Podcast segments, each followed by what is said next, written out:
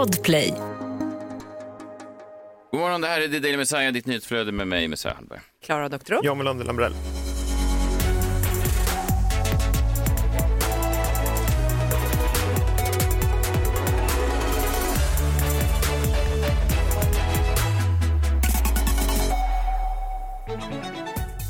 Oj, oj, oj, vilken torsdag. Sjätte, nej, sjunde juni är det ju. Nej, åttonde juni är det nu. Herregud, Vad har du åttonde Sommaren är snart över, försök inte lura dig. Nej, Nej men lägg av med det där, jag får ju ångest när du pratar sådär. Jag vill inte ens börja min sommar. Jo, den började. Jag vet inte om ni har koll på vad som händer i New York nu. Det är väl egentligen först när, eh, när sådana städer drabbas av någonting som det känns som att det, eh, som att det är på riktigt, eh, globala uppvärmningen. Jag vet inte om det har med det att göra. Eh, Det är någonting, eh, har, har ni sett vad som händer i New York? Nej. Ja men den här branddimmen Mm. som liksom har giftig brandrök som Och har lagt sig. isbjörnar som går runt på gatorna. Nej men det gör det väl inte? Nej, Har jag sett den där filmen. Day After Ja, Tomorrow? jag blandar tror ihop. Ja, eh, nej, men nej, precis. Det är en stor, um, stora skogsbränder i, i Kanada och eh, det här brukar ju ofta vara bränder runt i Kalifornien och så har de den här dimman. Nu är det då smog i större delar av New York och det är väldigt giftig rök. Det var någon som skrev, en journalist jag följer, eh, som skrev “Rarely have so many people been exposed to so much particulate matter A toxic haze of microscopic soot and ash that is linked to early death och lyssna på det här. And can penetrate the blood-brain barrier. Ja, Jag det är kan- inte kan- mycket som kan. De, Nej, de jag kan ju... inte nämna någonting som kan Vet du penetrate. vad, de, de har lyckats då att penetrera blood-brain barrier Men varför- under 24 timmar nu, bara för någon vecka sedan för första gången, eller jag vet inte om det var då det hände. blood-brain Men, barrier? men det är ju... Det låter som något som inte ska Nej, penetreras. verkligen. så här, Jag vill det är ju penetrera det mycket, som- men inte just det. Ja, men det är det som nyckeln till typ all Alzheimers forskning, hur man ska ta sig in i blood-brain barrier, för det är Mhm. där det finns antagligen plack och sånt i hjärnan och med viss medicin hur man ska skjutsa in det, för hjärnan är jättebra på att skydda sig själv. Ja. Så, men den där rökningen tar sig tydligen igenom. Ja, det är inte bra. Jag tror inte man ska ha det sotet och askan då igenom blood Otroligt läskigt. Och då var det en annan journalist jag följer på mm, som bor i New York eh, och han twittrar här, mm, Mark Harris, han twittrar Just heard a woman say to herself as she walked into a Starbucks It smells bad out here. What's that sky? Is the world all right? Oj. Fan. Ja, men jag bara att det, det finns, jag tycker på något sätt är det, jag tycker det var en väldigt fin tweet för den är så, det är så vi alla kommer stå en dag Ja, ja. i, i storstäderna när världen brinner, att man, man går in på sitt lokala café och säger förlåt, det är sot här i min latte. Är det något du känner, ska det vara? Är det här jordens undergång? Ja, men att det, det, och det är först när, det känns som att landsbygden kan liksom brinna upp innan folk i typ New Ja, York. ja. Det är först, först när latten är drabbad. Ja. På Det är Espresso då. House, Ja. det är då, då börjar det brinna i knutarna för Ja, storstadsmänniskorna. men, men finns, finns det någonting där att, att, att det är liksom inte majoriteten som bor i de här städerna och, och det känns som att halva USA eller hela, halva Sverige kan brinna upp. Ja. Mer, hela Norrland kan brinna upp. Men det är först när vi i Stockholm då, när vår routerledning går av, så är det någon som Just säger förlåt, det. är någon vajsing med wifi. är det som som- Då jävlar. Ja. Eh, Så att det är um, bara, är alltid New York en sån där, eh, det var som när um, Katrina, äh, inte Katrina, vad fan hette den, um, Sandy, um, Mm. Hurricane Sandy och när det blev mörkläggning där för några år sedan. Det blir sån, um, det är sån uh, markör Ja, på verkligen. världens uh, tillstånd på något sätt. När, Ja. när till och med den drabbas. Att New York är fra, liksom längst fram då? Ja, eller längst bak, eller att det är först när det, när, när det blir dimma kring skyskraporna som resten av världen är så. Ja. Det kanske är något konstigt. Ja, vi kanske ska ta tag i de här Ja, eh, kanske. utsläppen. och- Ja, jag vet inte. Nu behöver vi något glatt. Det är så gott med glass och det finns så många smaker En miljon glassar och en miljon smaker Messiah testar alla glassar som finns Hej! Har du beräknat utsläppen på din eh, glasskonsumtion under sommaren? Ska inte glassarna bara vara på fredagar? Nej, nej, det är varje dag. Det är det som är grejen. Varje dag hela sommaren, juni, juli, augusti så äter Messiah Hallberg en ny smak glass. Och idag har det då gått hela vägen till den 8 juni. Nu har jag inte nämnt vad jag har ätit. Ja, det kanske jag kan. Det kanske inte. Det kan vi ta sen, sammanfattning någon eh, I alla fall idag, den 8 juni, ska jag äta ingenting annat än Frutto di Bosco. Man Det är så gott med glass och det finns så många Frutto di smaker Bosco. En miljon glassar och en Skogens bär på italienska. smaker Messiah testar alla glassar som finns Hej! Nej, skogens bär. Man tackar, man tackar.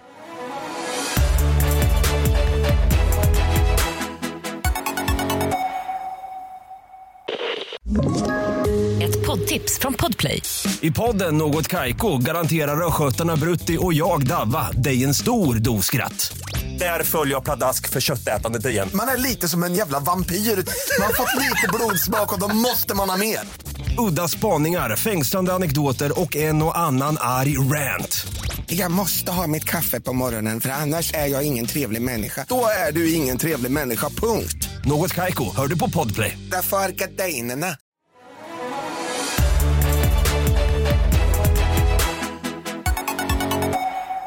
Imorgon i Fräcka Frida, då ska jag prata om min kåtsommar. Spännande. Ja. Se om någon är kåt nu. Nej, det är väl inte. Inte nu redan. Krimmorgon. Krimmorgon denna eh, torsdag presenteras i samarbete med John Wilander Lambrell. Eh, mycket DJ-ande är det nu. DJn ja. Ja, mycket spelningar. Ja, det är min sommar. Ja, det är din sommar. Den är inte dumt. Nej, det är inte verkligen inte dumt. Eh, du... Vi har alltid tid för lite krim också. Det du får göra då, det är att du får fäste och eh, tjäna pengar på det samtidigt. Du har ju liksom lurat systemet. Verkligen. Det är nästan kriminellt. Verkligen. Eh, Tänk vad- om någon skulle betala mig för att prata om krim också. Ja, det hade varit något. Det hade verkligen varit något. Verkligen, verkligen. Du kan få chansen nu. Vad tänkte du prata om idag? Jo, men idag ska jag ta med er på en exotisk resa österut. Oj då. Är det så exotiskt? Där. Ja, Eller det beror på hur öster. Ja, men det är väl, Ut. ja men mot, eh, ja men Orienten typ. Ja, det är exotiskt. Eh. Polen är inte lika exotiskt till exempel. Nej, det kanske inte är. Eh, Men klockan är i alla fall halv sju på morgonen den 6 januari 1979. Och vi befinner oss i bostadsområdet Geylang Baru i centrala Singapore. Får jag fråga dig, du, jag tror aldrig att du har haft ett fall från Orienten. Nej, jag tänkte det. Jag Sen vet jag inte heller om man säger Orienten längre. Nej, det gör man. Man, man sa det 1909? 1979, det är därför jag är liksom inne ja, i jag 1979 förstår. nu. förstår. Ser man, är det fortfarande så att säga eh, rickshaws och rishattar och sånt där?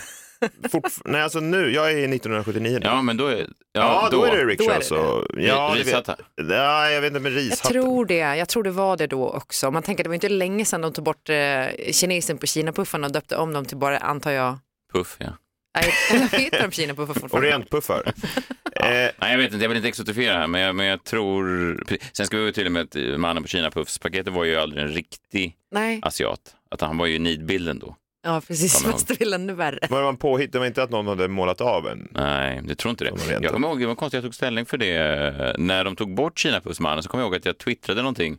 Vad kommer härnäst? Det är enda gången jag har i så kulturkriget eh, blivit upprörd. Jag har aldrig ätit Kina-puff i hela mitt liv. Jag vet inte varför jag blev så... När de tog bort trillingnöten, fast det var inte Nej, det, var kulturgrej. det, var, det, det, det är inte rasism. Det var ingen Nej, sån precis. trilling som blev upprörd. vi, vi är inga nötter. Vi är inga nötter. Nej. Det kanske det var, det är bara att det aldrig nådde ut. Det finns smarta trillingar också. En del nötter, men framförallt Det var några trillingar som skickade ett argt brev till Aladdin. Det var därför det försvann. varje dag på skolgården så skriker de efter oss. Trillingnötter. Det är Vi är inte ett gäng nötter. Det måste vara min bygg, så många trillingar kan det inte finnas, det måste vara min byggfirma, Trillingbygg. De är trillingar, Var det de som sänkte trillingnöten? jag antar Och de är inte nötter heller. Nej, de är inte nyttar alls. De är Okej. ganska smarta faktiskt. Ja, nej, men det, jag tror att det är väl kanske det första fallet eh, från öst. Och det är också framförallt är det ju kanske Singapores mest kända fall eh, i modern tid. Men som sagt, vi befinner oss där, det är den 6 januari 1979 på morgonen. Det gifta paret Tan Quen Chai och Li Mei Ying lämnar hemmet för att gå till jobbet. På morgonen då, de är gift par, de driver ett minibussföretag som transporterar studenter till skolor runt om i distriktet där de bor. De är väl upphandlade då antar jag. Klockan tio över sju på morgonen så ringer mamma Li hem från jobbet för att väcka deras fyra barn som hon gjorde varje morgon. Eh, de tre sönerna är 10, 8 och 6 år gamla och går i grundskolan och deras yngsta syster är 5 år gammal och hon går på förskola. Eh, Och det här var den vanliga morgonrutinen då. De gick lite tidigare, ringde hem för att väcka dem och sa nu får ni göra er klara för skolan. Men ingen svarar när hon ringer den här morgonen. Då ringer mamman till familjens granne och ber henne knacka på lägenhetsdörren. Men inte heller grannen får något svar. Eh, mamman antar då att barnen har vaknat tidigare och redan gått till skolan. Eh, och ja, det hade ju varit ett lyckligare slut på den här historien. Men inte lika trovärdigt att det skulle hamna i krimmorgon. Nej, och det hade kanske inte varit mycket till historia överhuvudtaget då. Nej, nej. Eh, eh, På tal om det, jag satt um, häromdagen ute på nationaldagen var det faktiskt och åt ute på en restaurang. Och då hamnade jag bredvid ett, en, em, en kvinna Jaha. eh, som eh, hela middagen berättade historier. Eh, och sen så ofta tog de slut, det förstod man när hon skrattade själv åt, åt dem. Var låter som slut. Ja, lite grann, men hon, hon hade en lätt fransk eller tysk brytning. Och eh, det är fascinerande tycker jag med den typen av människor, att ingen, hon var kanske 45, Mm. 45, ingen hade på 45 år talat om för den här kvinnan. Du är inte rolig. Mhm. Du kan inte berätta historier. Du har inget särskilt intressant att säga. Nej. Men ändå gick munnen hela tiden. Är hon då... Är det att hon har varit väldigt snygg under hela ungdomen och att ingen man eller kvinna har vågat rätta henne? Eller så bara är hon väldigt underhållen av sina egna historier. Jo, jag vet, man, man brukar ju, det är ju, man blir ju... Fast hon är väl som folk är mest. Det är väl så där folk är bara. Sa du till henne då? Alltså de, de flesta som Nej. lyssnar på henne tycker ju att hon är kul. För det är ju samma person som kollar på Leif och Billy och... Ja, du har olika smak. Ja. Hennes Nej, då... jag sa ingenting, men däremot så ma- markerade jag på olika sätt. Vilket nu har lett till att, nej, ja, precis, vid bordet. Jag, enligt min fru spred jag dålig stämning och hon har inte pratat med mig på ett dygn. Jaha, så det gick mer ut över dig än av den här kvinnan? Ja, över min, ja precis, hon är väl någon annanstans och berättar en ny historia Ja, nu. ja, exakt. ja. Men det rörde inte henne i ryggen kanske? Nej, sen var det en annan också, hon satt med en, en, väldigt irriterande man som också berättade på tyska eller franska och så började de prata om stand-up och jag hade ryggen mot dem här, det var otroligt Mm. provocerande. Så sa han, jag gillar han eh, Chappelle, jag tycker han är riktigt rolig. Eh, och så sa hon, ja men vi var ju på stand-up här i Sverige. Och så sa han, ja men det här är på en annan nivå. Jag kokade, jag ville kasta mitt chablis över dem. Men det strunt Ja. ja, okej, vad Vad, var vad vi? hade det här med krimborren att göra undrar jag? Nej, men det, det var, Eh. hon berättade en sån historia. Ja. Barnen Ja, vaknade tidigare, gick till det. skolan. Det Mm. var anledningen att de inte svarade i telefonen. Det är ju tyvärr inte slutet på den här historien. Eh, det hade ju varit att föredra ändå tycker jag, men ja, det hade kanske inte varit mycket till historia. Nej. För när mamma Li och pappa Tan kommer hem från jobbet vid klockan 10 på förmiddagen så möts de av en fruktansvärd syn.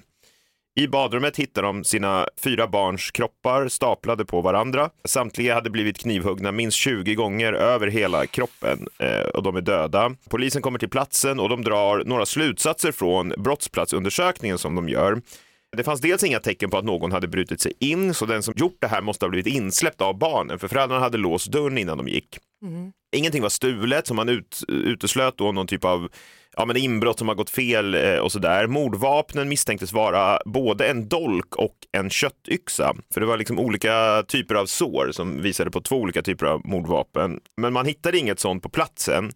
Ingen granne hade hört några skrik, vilket fick polisen att misstänka att det varit två gärningsmän då. En som liksom hade hållit i barnen eller så där medan den andra hade, ja, de, de, de utgår ifrån att det är två gärningsmän som gör det här för att det är väldigt svårt att tänka dem och med all rätta såklart att mörda fyra personer då utan att de skriker. Det här är också ett bostadshus där det bor en massa människor. Väldigt märkligt att ingen har hört någonting. Man hittar spår av blod i diskhon, vilket fick polisen att tro att gärningsmannen eller männen städat upp efter sig och att det då inneburit att den här massakern som det ändå var, var planerad. Tidpunkten för de här morden fastslog rättsläkaren till mellan 06.35 och 07.10 på morgonen. Föräldrarna gick ju, det är alltså precis efter föräldrarna gick till jobbet. Så de har haft, haft uppsikt då. Ja, precis. Det är ju polisens teori då, att det här tyder på att gärningsmännen som de tror känt till familjens rutiner också. Ja, men okej. Och det, man, hur kan man veta så säkert att det är precis den, det här spannet på döds... Jo, alltså kropparna hittades ju ganska kort efter de hade blivit mördade och vid den tidpunkten då så kan man ju genom att mäta kroppstemperatur och annat se hur, eh, hur nära i tid det var. Även på den här tiden, så det, det, det låter nog ganska rimligt, rimligt att det var den här tiden. Och man börjar ju leta då i familjens närhet efter en misstänkt som vanligt vid sådana här fall. Också som vanligt så dyker det upp en massa vittnen som sett det ena och det andra. Det här blir ju såklart väldigt omskrivet. Eh, Det dyker upp en massa vittnen då. Det är alltid svårt att liksom vidimera sådana här vittnen. Det är krångligt. eh, Man vet inte vilka man ska tro på, inte för att de ljuger då, vilket många också gör, men också för att de tar fel på dag, de tar fel på tid och sånt där. Så här, vittnen har fel. Det kan man liksom bara utgå ifrån. Eh, Vad ska man då ha dem till? Nej, men grejen är så här. ja, alltså för att på liksom 100 fall, där, eller 99 fall där vittnen har fel har en då kanske rätt. Just det. Och det Då- kan vara det. dåliga odds. Ja, men Ja, det men kanske det är lite jag. bättre odds än så, men generellt när man läser om Jag får komma vittnen. inte ihåg. eh, Du kommer ju knappt ihåg vad det är för dag. Nej, det är sant. Fast jag skulle nog kunna... Men om jag skulle säga till dig så här, såg du mannen ute i receptionen? Du har säkert sett en man där innan vi gick in i studion. Anders Bagge. Ja, men då har du ju planterat Okej, men om det är någon som Det du kan inte också vet ha vem det varit är. ehm, Tusse. Jag blandar Så kan du inte säga. Så, om du är polis så får du inte säga såg du mannen. Nej, men om man säger så här, såg du någon i receptionen när du gick in? Nej, du kan säga så här. Såg du Du- någon som stod med ett par maracas i receptionen? Ja, jag förstår, men inga kändisar nu. Det var ingen kändis som begick det här mordet, tror jag. Nej, men bara tänk så här, Ja. för bara några minuter sedan så gick du genom receptionen. Mm. Såg du några människor? Jag såg Sarah Dawn Finer med fingrarna Ja, men i ena, okej, hjortronsylt. men några okända människor. det i Ja, min poäng är i alla fall, du kommer inte ihåg det. Och om du skulle komma ihåg det så skulle det lika gärna kunna vara ett felaktigt minne. Ja, jag förstår. Och eh, jag hoppas de inte kallar in Du är mig. ganska säker på att det är ett felaktigt minne att Sarah Dawn Finer står Men vadå, ute hela Sveriges kändiselit stod ute i receptionen när du kom in. Det låter ju också konstigt. Jag svär domaren, det hjortronsylten måste ha hamnat på mordoffret av en helt annan anledning. Ja. Säg det i finkan, Sarah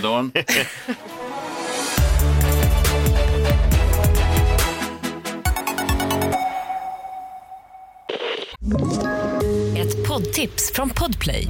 I fallen jag aldrig glömmer djupdyker Hasse Aro i arbetet bakom några av Sveriges mest uppseendeväckande brottsutredningar. Går vi in med hemlig telefonavlyssning och, och då upplever vi att vi får en total förändring av hans beteende. Vad är det som händer nu? Vem är det som läcker? Och så säger han att jag är kriminell, jag har varit kriminell i hela mitt liv men att mörda ett barn, där går min gräns. Nya säsongen av Fallen jag aldrig glömmer på Podplay.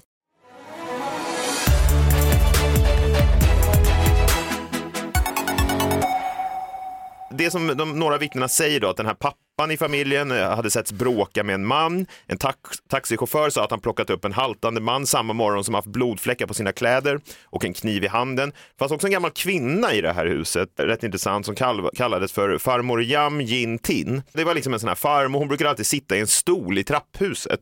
Läskigt.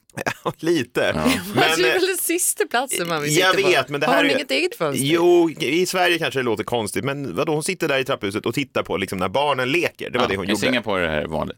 Ja. Ja, Varje trapphus har en äldre tant Ja som men tittar. typ, ja, men Ja. om det finns en äldre tant, i Sverige sitter hon väl då innanför dörren, vågar inte visa sig i trapphuset, hemskt. Men på Vasans äldreboende Ja, kanske ja instängt. exakt. Ja, Här får hon, sitter hon ute för Ja. att det är väl roligare att sitta ute i trappor där det händer lite grejer. verkligen. Och hon satt Vad där- händer om hon eh, behöver gå på toa eller är hungrig? Ja, det var ju det som hände då, för att hon satt där varje dag, men just den här dagen, just den här tiden, hade hon varit inne och tvättat håret precis när morden skedde. Oj, oj, vad oturligt. Ja, jag såg också en bild på henne och det är ju liksom, ja, det, Sitter hon kvar i stolen? Nej, men jag tänkte, jag förstår att hon behöver tvätta håret utan att Jaha, vara så. Ja. okej. Eh, men det var ju väldigt, liksom, alltså, vilken slump då Ja, att hon var inne ja. och, och tvättade håret. Ja, ja. Inget av det här leder till någonting. Det är de här vittnena. Eh, ingenting händer. Två veckor senare kommer det ett brev. Det var ett kinesiskt nyårsvykort med lekande barn på framsidan, adresserat till makarna Tan och Li, föräldrarna. Och i brevet så användes deras smeknamn, Achai och Aeng, som liksom bara deras närmsta familj kallade dem. Det var skrivet på kinesiska och det stod, nu kan ni inte få fler avkommor, ha ha ha. Stod det i brevet. Vilket jävla psycho. Och vad menas med det här då? Nu kan ni inte få fler avkommor, ha ha ha. Undrar man ju då. Ja. Det undrar ju polisen också, att så här, vad menas med det här? Varför skulle de inte kunna få det? De var inte så gamla liksom. Nej. Jo, för mamman Li hade några år tidigare genomgått en sterilisering för att inte kunna få fler barn. Nej, för hon hade fyra stycken. Ja, exakt. Hon vill inte ha fler. Hemskt. Och det här var ju en hemlighet som bara den närmsta familjen kände till om hennes sterilisering. Det var väl kanske inte riktigt kosher att göra det på den här tiden, men hon hade gjort det då. Och eh, det kände då eventuellt den här brevskrivaren till, för varför skrev han annars att nu kan ni inte få fler avkommor? Ja. Eh, och längst ner på kortet stod det hälsningar, mördaren. Tydligt ju. Ja, det är tydligt ja. Det är inte ofta mördaren liksom hör av sig och säger det är jag som är mördare, men han undertecknade det då. Eh, Med, med vänliga hälsningar? Nej. nej, det stod bara mördaren längst ner. Allt gott kanske. Det, det, alltså Kjell säger att det är otroligt gott. provocerande när jag skriver allt gott, att det är passivt aggressivt. Men jag menar det alltid. Allt gott. Allt gott. Klar. Mördaren. Ja, just det. Eh, Ja, nej, det, nej okej, bara mördaren. Ja, och kriminaltekniken var ju inte så utvecklad på den här tiden och man kunde inte hitta några spår på det här brevet. Men det kom inga fler brev och fallet är fortfarande olöst. Oj, jaha, jag trodde det skulle finnas en... Att de, Jaha, vi, fick, ihop det. vi fick bara ha Ja, men det hade jag det. nog också trott vid Ja. den här tidpunkten då, för att det är liksom, hur kan man begå ett sånt här mord och bara då komma undan med det? Det låter ju väldigt svårt. Mm. Eh, så vi kan bara spekulera i, vem gjorde det här då? det måste ju vara... Eller du kanske har massa alternativ. Du har några teorier? Ja, absolut. Jaha. Jag tänkte inte lämna det där. Nej, jag, jag gissar på min eh, gärningsmannaprofilering säger en barnlös släkting. Kanske en avlägsen bror eller syster. En, hur kan de vara avlägsna? Det är Ja, en men bror eh, eller distanserad, eh, alltså Aha, en eh, bor i en annan Ja, stad, ja. bitter. Lite kanske Sneglat varje jul, ilsket på de som tjunnad ur familjen. Ja, liksom. något sånt där. Mm, Skam också för att de inte har några barn. Kanske Kanske, det. kanske Mm. mamma och pappa tycker att det är Mm. Ja, för där i Shanghai fick man tydligen skaffa hur många barn man ville, men det fick man ju inte i Kina såklart under den här perioden. Singapore. Singapore, förlåt. Eh, Orienten är väldigt Ja, jag lätt förstår. att blanda ihop. I guess they all look alike to you. eh, men det har ju såklart funnits flera teorier genom åren. Messiah, du hade en teori där. Eh, några Ingen, andra... en bra en tycker jag. Eh, jag, tycker, jag, ska, jag kan kommentera din teori sen. Jag tycker att den, Tack. jag tycker Vilken att den, teaser. är, ja, men den, den började bra. Aha. Eh, Tack. ja, men vi kan prata om den sen. Ja. Men vad det, vad- okej, ma- och det är i Singapore, men mördaren skriver på kinesiska. Mm. Vilket är ett ganska svårt språk att skriva på. Så här, brevskrivaren skrev på kinesiska. Okej. Men till en familj som, eh, pratar de ens kinesiska? Nej. Nej, då är det ju Vad jättemärkligt. pratar man i Singapore? Singaporianska. Det har givetvis funnits... Hittar du på det språket? Ja, jag vet Ja. inte vad man pratar. Vad fan Typ pratar man i? malaysiska kanske? Ja, Det malajs... tillhör ju Malaysia, eller det, är fri, det ligger ju Jag tror att man Malaysia. pratar malaysiska kanske. Okej. Ja, det låter rimligt. Ja. Ehm, Vi behöver ingen ChatGPT. Nej, men- I alla fall, skitsamma. Okej. N- Några teorier då som polisen var intresserade av, då var att mamman skulle haft en affär och att den här mannen då skulle ha dödat barnen när hon inte velat lämna sin man för honom. Det var en teori man jobbar efter då. Oj. Ja, men det var någon som kom upp och sa att hon hade en affär och sådär. Eh, det var också en släkting då till mamman som, det här var också någonting som polisen utredde ganska noggrant då. En släkting till mamman hade bett henne köpa en lott till honom. Att spela på de här, det här lottonumret åt mig, eh, det här hade hänt då, en lott då som sedermera vann 45 000 dollar på den här tiden, vilket är ju, ja jag vet inte vad det är i dagens värde, men det är minst det dubbla i alla fall. Ja. Men enligt den här mamman Li då, så hade hon aldrig köpt lotten. Men den här släktingen skulle inte ha trott henne då, att hon hade då tagit lottonumret, tagit lotten, behållit pengarna själva och att han då skulle då ha mördat hennes barn som hämnd. En annan teori var att föräldrarna var involverade i droghandel då. Det fanns något gäng som eh, huserade i de där kvarteren och sådär. Men jag vet inte, liksom, jag, jag blir inte varm av något av det här. Den här mamman Li reverserade så småningom sin sterilisering och fick en pojke. Och så vitt jag kan se så lever hon fortfarande medan hennes man dog för några år sedan. Och jag blir inte heller så varm av det här brevet mhm som polisen då blev. Jag tror att det kan komma från lite vem som helst som ogillade familjen av någon anledning och fått reda på det här med steriliseringen. Jag skulle inte, det är också, så fort det blir ett massmedialt uppmärksammat mord så liksom kommer dårarna Ja, ja, ut. Liksom. alltid, va? Alltid, och de försöker pressa eh, anhöriga på pengar. Det är liksom, så där är det. Och jag skulle ta det här med en stor nypa salt, det här brevet. Men framför allt så är det här ett väldigt ovanligt typ av mord. Eh, Jag har ju läst om en hel del eh, liknande. Det finns flera liknande, men de är väldigt ovanliga. Men om min profil skulle se ut något sånt här, så kan vi väl prata igenom våra respektive profiler, Messiah. Mm. Jag tror, till skillnad från polisen, inte att det var två gärningsmän. Mhm. För det är väldigt sällan två gärningsmän. Om det ska vara två gärningsmän, då Ja. måste man verkligen ha tecken på att det är två gärningsmän. Det trodde man i de här Ida, studentmorden i Idaho, var ju också polisen inne på att det var två, för att hur fan mördar du fyra personer? Jo, han gjorde det, den här Ja. personen. Det går. Jag tror istället att det finns en annan förklaring till att den här mannen har kunnat genomföra de här morden på fyra personer. Jag tror att han i barnens ögon är någon typ av auktoritet. En person som de eh, ja, men helt enkelt respekterar. Jag tror att de har släppt in honom i lägenheten av den anledningen. Jag tror att han har kunnat mörda dem på det här sättet utan att de flydde eller skrek. För att han har en auktoritet över dem. Och det kan ju räcka med att man är en vuxen i deras närhet. Ja, Du menar som känner barnen då? Eller som Ja, barnen absolut. känner till? Ja, det tror jag absolut. Jag tror att det är en yngre man som bor i närheten av familjen, arbetar åt dem eller har någon annan typ av koppling till familjen. En man som av någon anledning hyser ett stort agg mot någon eller några i familjen, oftast pappan. Jag tror att det är så i det här fallet. Lex John Benet Ramsey, där man i brevet som gärningsmannen skrev där kan se att han verkade ju hata John Benets pappa. Jag tror att motivet är något liknande här. Och ja, då kan man ju börja spekulera. Du hade ju en teori om det, Messiah, att det kan vara någon som inte har fått sina egna barn Just det. en avlägsen släkting. Det kan ju komma liksom från att han har fått sparken av pappan till exempel. Eh, det kan också vara något helt ologiskt som bara gärningsmannen känner till. Hämnd, avundsjuka, vad som helst. För brottet är till största del, tycker jag, oorganiserat. Det är enormt riskabelt. Alltså att ta sig in i en lägenhet, mörda fyra personer och ut därifrån utan att bli sedd av någon är liksom, alltså du, du, han har ju en enorm tur som inte blir sedd på den här platsen. Ja. Och därför tror jag också att han har någon psykisk eh, diagnos, någon psykisk sjukdom då, alternativt att en sådan finns i hans släkt, så brukar det vara. Ja, men jag tänker på han som var, mördade den här kvinnan och pojken i, vad var det, Linköping? Ja, som exakt. knivhögg dem på gatan. Eh, ja, precis. Som ju bara var liksom en, ett, ett vanligt psykfall. Ja, precis. Jag tror att den här personen är lite mindre av ett psykfall än vad han var. För det här, jag tror ändå att den här personen känner till familjen Okej. och att han är Men i ute efter de här barnen. Har skapat någon slags eh, ja, scenario där han Ja, tycker att det är okej att mörda. Jag tror han har bestämt sig för att mörda barnen för att komma åt föräldrarna. Ja. Och något jag därför blir varm av är den här mannen i taxin. Kommer ni ihåg honom? Han som såg någon som haltade med en kniv. Ja, precis. Det brukar alltid finnas sådana här vittnesmål, alltid. Att jag såg en blodig man och sådär. Och jag brukar alltid ta det där med en nypa salt. Eh, för det brukar sällan ha något med saken att göra. Folk har ja, fel på dag, fel på tid. Men jag gillar just det här vittnesmålet av några anledningar. Först och främst den här detaljen om att mannen haltade. Mm. Därför grova våldsbrott med kniv är väldigt svåra att genomföra utan att skada sig själv. Om du hugger någon 20 gånger, gånger 4 då, som i, i det här fallet, så är det nästan otänkbart att du inte hugger även dig själv. Alltså det är nästan omöjligt. Dumt att använda kniv då. Ja, precis. Alltså, Ja. det är därför jag menar att det är lite oorganiserat. Att om Ja. du ska använda, det är ju liksom ett, ett svårt sätt att döda någon på, men det är också ett raseri som gärningsmannen uppvisar. Man hugger ofta sig själv i benet då. Mm. Vilket skulle leda till att man haltar. Fan, kan jag tänka dig att mörda någon? Alltså pistol kan man ändå, det finns en distansering till offer på något Ja, sätt ändå. Fyra barn då, fem till tio år gamla med kniv. Ja men precis, det här är ju en, det här är ju en, en, en, liksom en, en väldigt speciell typ av person som gör något sånt här.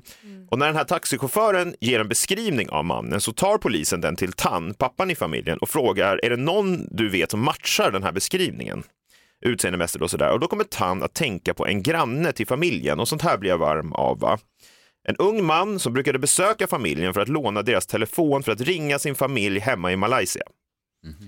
Alltså en person då eh, från Malaysia, han bor i Singapore av någon anledning, det verkar lite oklart vad han gjorde där. Men varje dag kom han hem till den här familjen för att låna deras telefon. Och i familjen så var han känd som farbror. Okej. Farbror, ja, någonting, jag hittar ingen namn på honom. Och den här taxichauffören då får genomföra en vittneskonfrontation. Och han pekar då ut den här grannen som mannen han haft i sin taxi, den här grannen. Ja, så han pekar ut rätt man till och med. Ja, så att det är så här, den här mannen var i min taxi, eh, säger han ju. Men polisen hittade aldrig något mer bevis för att gripa honom. Tydligen så är den här utredningen fortfarande öppen, eh, vilket får mig att hoppas att det kanske finns någon teknisk bevis sparad och att man i så fall skulle kunna köra DNA-tester då. Och jag vet vem den första personen är som jag skulle jämföra ett sådant potentiellt DNA med. Mannen i taxi, Man är, farbror. ja. Jag tror att det är den här personen, så fort när det dyker upp sådana här fall är alltid begångna och det är därför jag tvekade lite på din teori av en person i, inte bara i emotionell närhet utan även i fysisk närhet. Så jag tror inte att det är en avlägsen släkting i något annat land utan jag tror att det här är en person som bor nära, som personer är vana vid att se i det här huset. Men varför skulle den kunna ha Ja. bringat en raseriet då? Alltså det här är ju en, liksom en sjuk människa, en svårt sjuk människa, psykiskt sjuk. Han kanske bara inte fick låna telefonen än då. Och att hitta, ja men, men det finns ju det här som GV säger att motiv är ett smörjmedel för överklassen. Och så här, jag håller inte ofta med. Ja, jag håller ofta inte med om det där med att motiv är liksom, jag tror att det kan alltid finnas ett motiv. Sen är de svårförstådda motiv och jag tror att här, av någon anledning så hyser han ett stort agg mot pappan eller familjen. Eh, han hatar dem helt enkelt och han vill komma åt dem. Han vågar inte, han är ung, han är kanske svag, han vågar inte ge sig på pappan. Därför ger han sig på barnen istället. Jag tror att det är en liknande typ av gärningsman som i John Benet Ramsey fallet och jag tror att det här är, den här personen då som, som familjen kallade för farbror är en mycket, mycket bra misstänkt. Men ja, det var ju ett, det är snart 50 år sedan. Ja, så att, eh, det, man verkar ha kommit undan. han verkar ha kommit undan, ja, Axel om det var har- han eller om det var någon annan.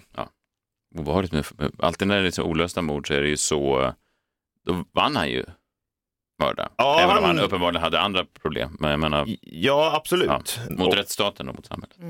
Ja, precis. Ja, det är mörkt. Tyvärr. Ja. Vi eh, hörs imorgon. Då är det fredag. Fler glasstips, eh, fräcka fredag och eh, annat kul. Eh, ta hand om er själva och varandra så länge. Eh, spännande idag att bege sig till Asien, men ett obehagligt fall. Ja. Ja, jag sitter fortfarande och tänker på det. med Den här... Vilket språk de pratar i Singapore. Nej, det är inte. Nej, men det måste ju vara malaysiska. Malaysiska den här mannen och, var ju eh, från Malaysia. Han ringde Ja, ja. hem till Malaysia. Också engelska. Men det är också någonting att han är själv där i Singapore. Han är själv, han är ensam där.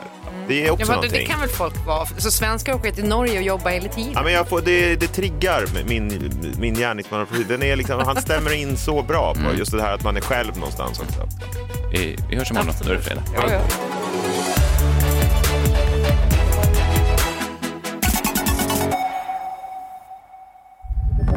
Podplay, en del av Power Media. Ett poddtips från Podplay. I fallen jag aldrig glömmer djupdyker Hasse Aro i arbetet bakom några av Sveriges mest uppseendeväckande brottsutredningar.